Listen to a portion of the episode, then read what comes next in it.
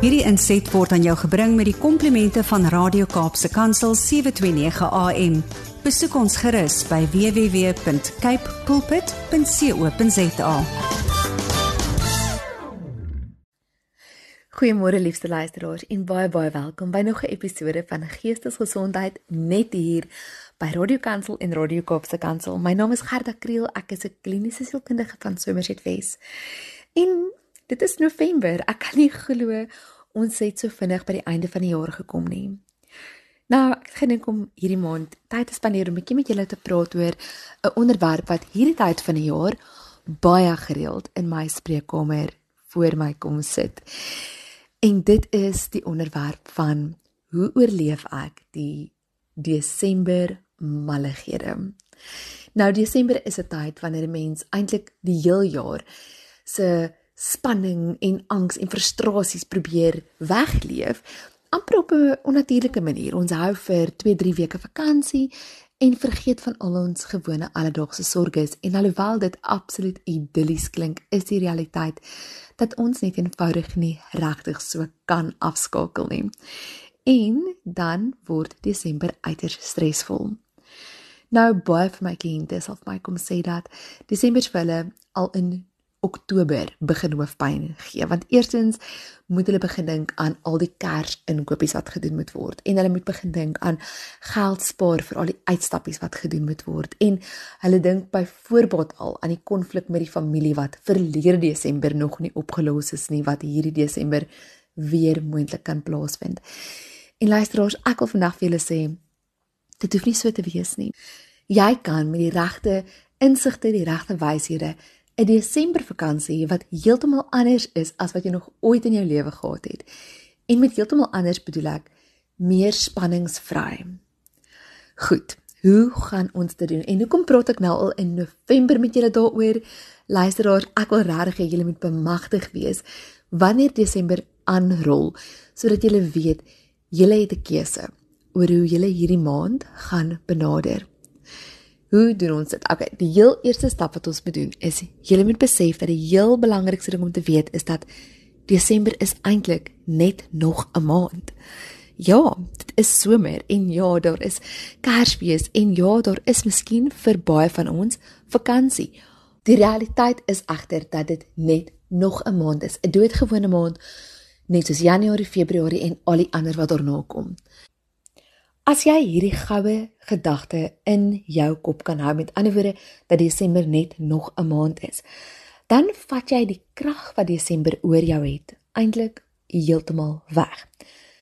Skielik is Desember nie 'n tyd wanneer die koekieblikke tot oorlopends toe moet vol wees terwyl jy die res van die jaar op die dieet is nie. Skielik is Desember nie die enigste tyd in die jaar wanneer jy jouself mag geniet nie sien ons pak ook in Desember ons lywe vol soveel gemorskos dat ons nie anders kan as om in Januarie te probeer om weer van al die vakansiefeetjies ontslae te raak nie. Maar luisteraars, dit hoef nie so te wees nie. En ek sê nie hiermee geniet nie jou Desember nie. Inteendeel, geniet dit.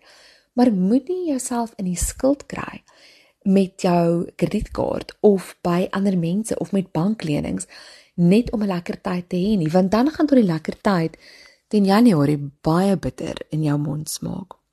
Sien luisteraars, Desember behoort 'n tyd te wees wanneer jy net weer 'n bietjie kan afskakel en herkalibreer.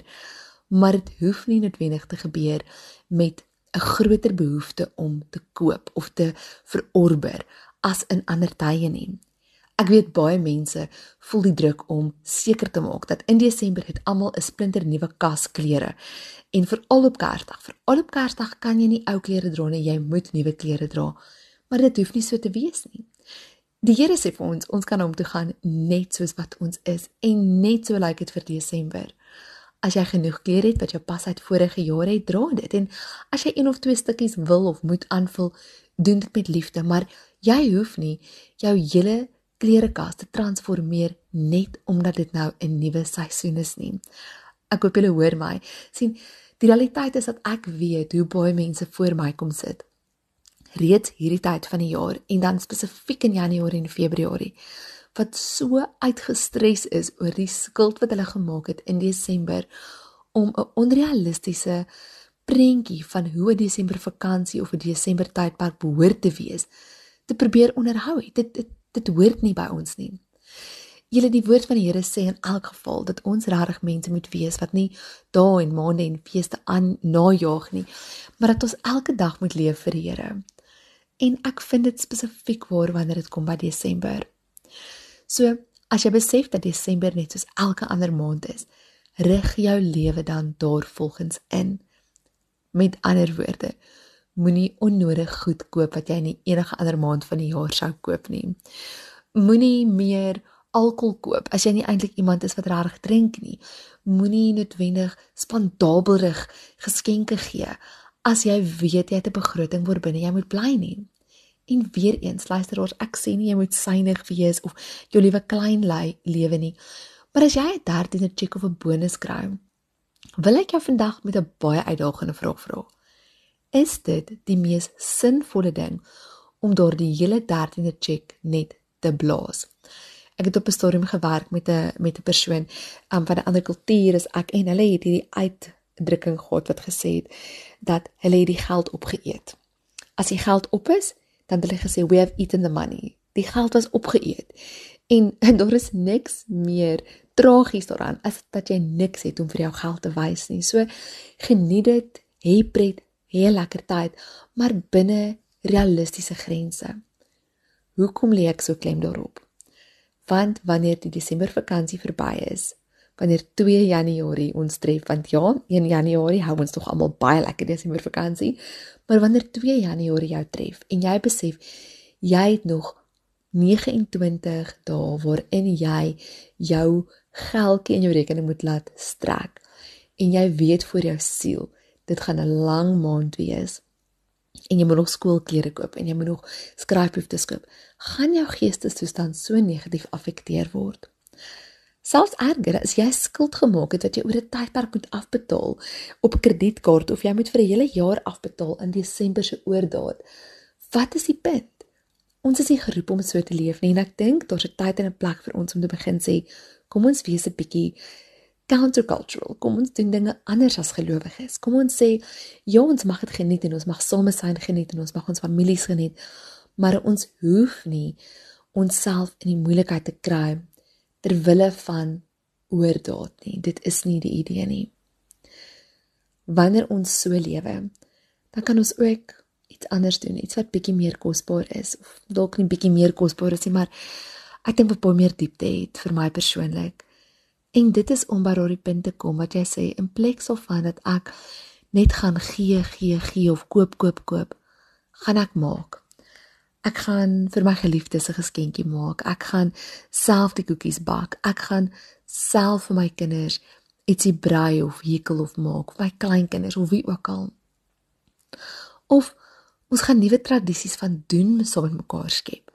In plek daarvan om net te fokus op geskenke, gaan ons as 'n gesin of 'n familie vanjaar fokus daarop om saam 'n nuwe tradisie te skep en saam iets te doen, 'n speletjies aan te hou of ietsie wat regtig waar verhoudings tussen mekaar kan bou.